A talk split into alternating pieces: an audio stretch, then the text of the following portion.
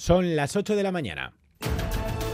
En Radio Euskadi, Boulevard. Con Xavier García Ramsten. Egunon, arrancamos la mañana pendientes de un accidente en la costa labortana, en la costa de Siburu. Un barco pesquero encallado se ha hundido y dos pescadores están desaparecidos. Hemos hablado hace unos minutos con el alcalde de Siburu, Eneco Aldana. Un barco de Arcachon que entraba al puerto de Siburu y que, se ha hundido a, la altura del, de Socoa. Ah, los socorristas han logrado socorrer uno, seguramente el capitán, y faltan los dos, uh, dos personas que serían los pescadores. dos. El mar no acompaña, hay bastante viento, la, la ola también está bastante alta y son las 7 de la mañana. Hace 5 horas que están, 4 horas y media, un helicóptero y un barco de socorro que están... Dos arranchales desaparecidos y un tercero hospitalizado. Enseguida conectamos en directo con nuestro compañero Andoni Liciaga, que está ya en la zona.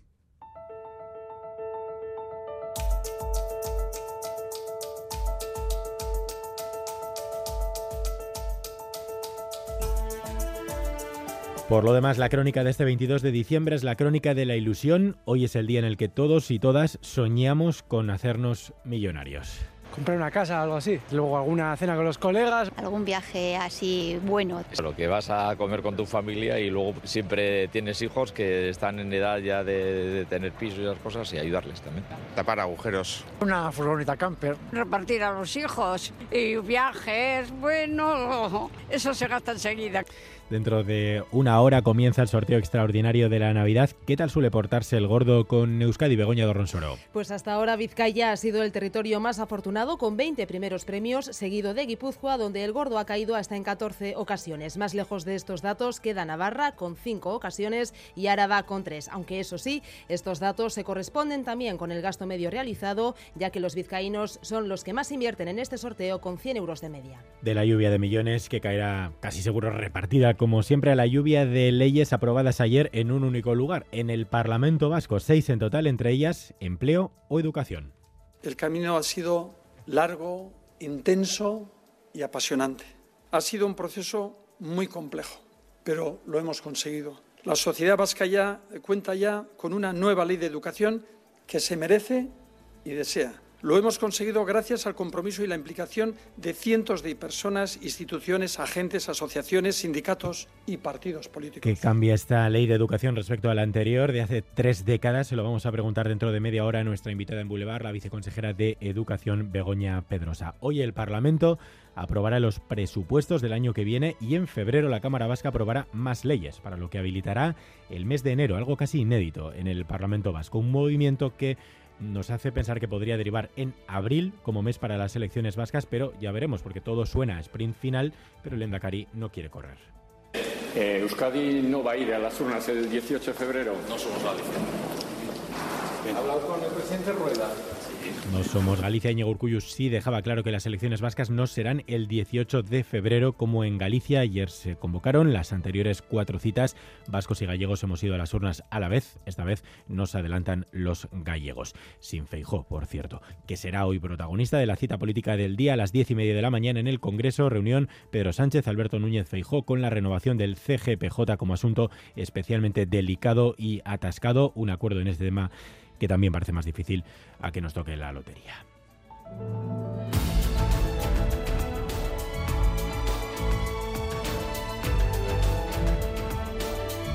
Donde sí hay acuerdo es en Iruña, EH Bildu, Abay y Contigo Surekin formarán un gobierno tripartito en el Ayuntamiento de Pamplona. El PSN lo apoyará desde fuera. Será el gobierno del alcalde Joseba Asirón. Le escuchamos también a Javier Esparza, líder de UPN. No estamos ante la segunda parte de nada sino abriendo un tiempo nuevo que aportará a Pamplona estabilidad. ¿Cómo se está construyendo entre el Partido Socialista y H. Bildu una especie de gueto, una especie de apartheid aquí en Navarra? Si pudieran meternos a todos en ese gueto, nos meterían. Del mundo. La noticia está en Praga, el más puro estilo estadounidense. Un joven de 24 años ha matado a 14 personas en una universidad subfusil en mano. Óscar Pérez. Además de por los 14 muertos y 25 heridos causados ayer en la Universidad Carlos, en pleno centro de la capital checa, la policía investiga al autor por la muerte de su padre unas horas antes y también por el asesinato hace una semana de otro hombre y su hija de dos meses en una localidad a 20 kilómetros de la capital. El joven de 24 años irrumpía ayer a la tarde en la facultad con un rifle automático y más armas y habría fuego contra los estudiantes. La policía le estaba buscando desde hacía unas horas por el asesinato de su padre. Tenía previsto ofrecer una conferencia en un lugar de Praga. Los agentes lo esperaban, pero no se presentó, sino que acudió a la universidad y protagonizó la mayor masacre en la historia de la República Checa. A dos días para Nochebuena, entre ayer y hoy los precios han registrado un nuevo subidón, en algunos casos de hasta el 100% del precio Ander López Lerena. Sí, se nota en productos como el pescado o el marisco, en algunos casos lo decías con subidas del 100%, alimentos que hace una semana estaban a precios asequibles, ahora se han hasta duplicado. Josebas Pescatero. El buey lo tenemos a 24,95 y el otro día estaba a 13 euros. El centollo está a 15,95 y el otro día lo teníamos a 10 euros. Sí, este es el efecto Navidad.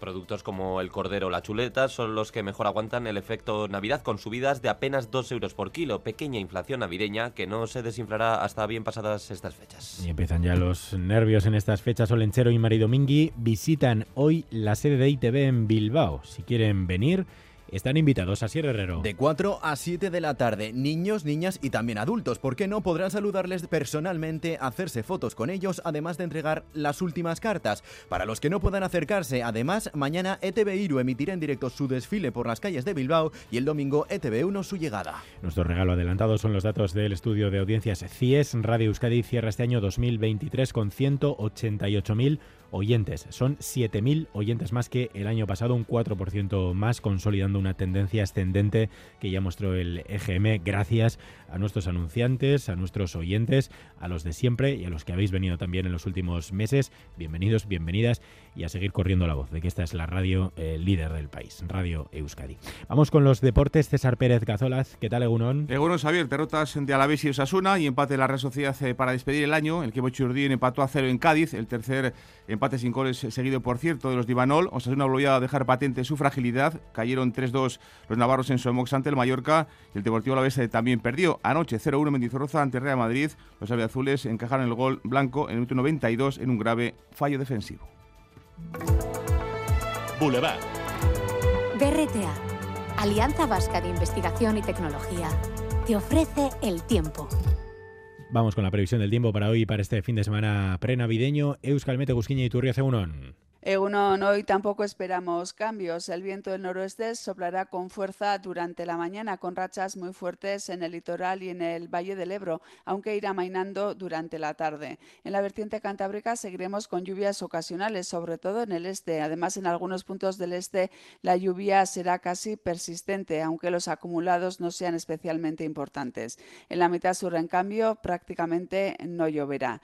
Y en cuanto a la temperatura, seguiremos con valores suaves. Las máximas se situarán entre los 10 y los 14 grados. Repasamos las temperaturas. Esta hora los termómetros marcan 12 grados en Bilbao, 11 en Donostia, 10 en Iruña, 8 en Gasteiz y 13 en Bayona. Egunon, Bermión, amairu grado, ondo izan, da zorillonak. Egunon, oñati 10 grados, lluvia, agur. Egunon, gaur, Gernika Lumon, amairu grado, ondo pasa egunen.